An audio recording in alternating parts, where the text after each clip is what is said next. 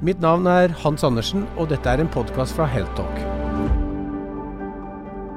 Amerikanske Food and Drug Administration, FDA, har besluttet at Ultimovax sin kreftvaksine UV1 skal defineres som et orphan drug i behandlingen av metastatisk melanom. Eh, vi har med oss eh, deg, medisinsk direktør i Ultimovax, Jens Bjørheim, til å kommentere dette. Velkommen skal du være. Eh, takk for det. Takk for eh, innbydelsen. Veldig hyggelig alltid, Jens. Eh, aller først til deg. Hva er et orphan drug? En orphan drug er en sjelden tilstand som det ikke finnes god behandling for. Og dermed er den Det er få mennesker som har tilstanden. I USA så er det f.eks. Eh, hvis antallet mennesker i USA som har en bestemt sykdom er under 200 000, så defineres det som en orphan drug. Og mm. disse tilstandene de er det ofte vanskelig å utvikle medisiner eller behandlinger mot. fordi For det første er det få pasienter, og for farmaselskapene kan det også være lite gevinst å hente for å bruke mye penger på studier for å utvikle medisiner og andre eh, tiltak. Eh, derfor har denne Orphan Drug Designation det er da et tiltak fra FDA som gjør, skal være et insentiv for å starte sånn utvikling mot sjeldne sykdommer. Mm. En fjær i hatten der, altså. Men hva konkret for dere betyr en, en, en slik designasjon? Altså For oss så er det jo igjen en anerkjennelse av at vi oppleves som eh, en seriøs kandidat for å kunne hjelpe pasienter med i dette tilfellet føflekkreft, stadium 3B til stadium 4.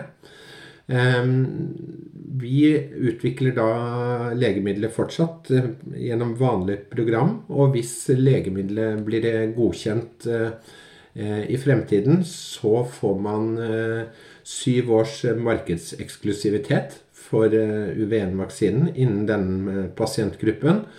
Og man slipper også å betale de avgiftene som er forbundet med å søke om markedsgodkjennelse i USA. Og det er et ganske betraktelig beløp. Det er nå for tiden tre millioner dollar. Mm. Og i oktober, altså for halvannen måned siden, så, så fikk eh, dere fra FDA en såkalt fast track, eh, også da til UV1-kreftvaksinen, som da en tilleggsbehandling til eh, immunterapien ipilimumab og pembrolizumab, også da for melanom eller føflekkreft. Hvordan henger disse to si, godkjenningene sammen? Ja, altså Begge designasjonene, både fast track og orphan drug, eh, kommer jo da fra FDA. Eh, men det er ulike avdelinger som eh, gir disse designasjonene. Eh, orphan drug-avdelingen vurderer legemidler på tvers av alle indikasjoner og sykdomsområder.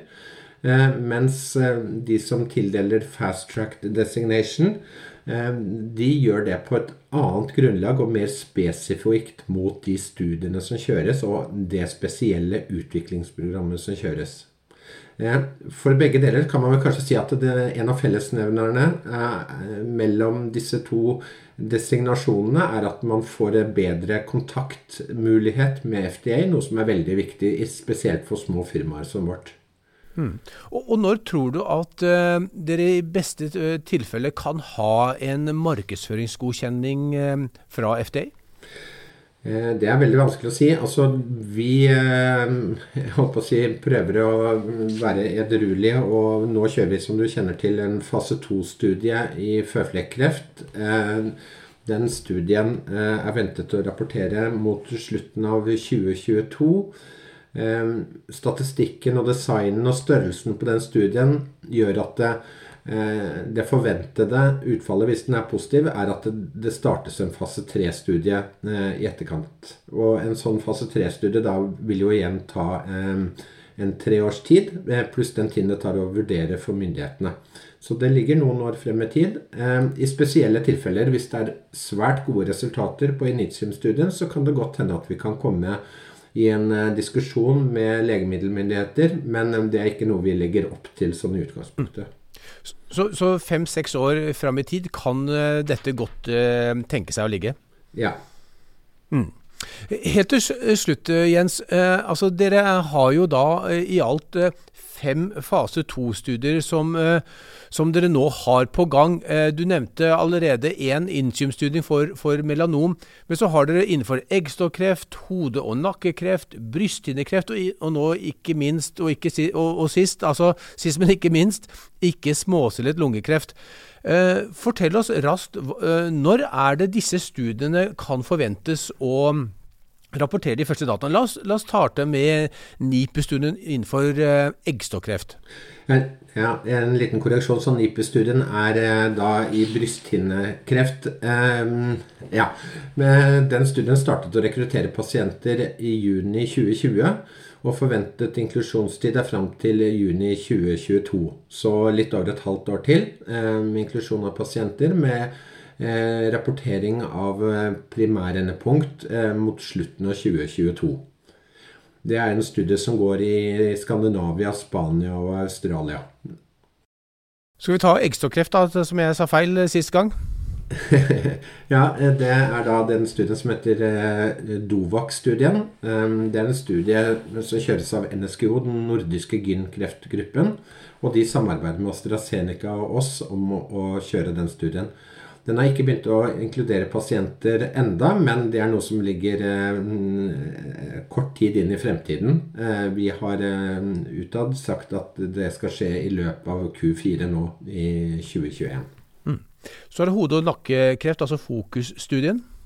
Ja, Fokus-studien det er da i hode-halskreft, og vi kombinerer med pembrolizumab. Det er en tysk studie Eh, som startet å inkludere pasienter eh, i august eh, dette året her. Den studien er slik at det er 18 måneders inklusjonstid, og seks måneder etter den er ferdig inkludert, så vil man rapportere på primærendepunktet. Mm. Og så helt til slutt, ikke småcellet lungekreft. Lungvac-studien. Der kan jeg bare ile til å si at da hadde vi et intervju med Odd Terje Brystugen, som er eh, den som skal lede studien. En helnorsk studie som skal gå på de, de alle eh, sykehusene som behandler eh, lungekreft. Hva, hva er status der, Jens?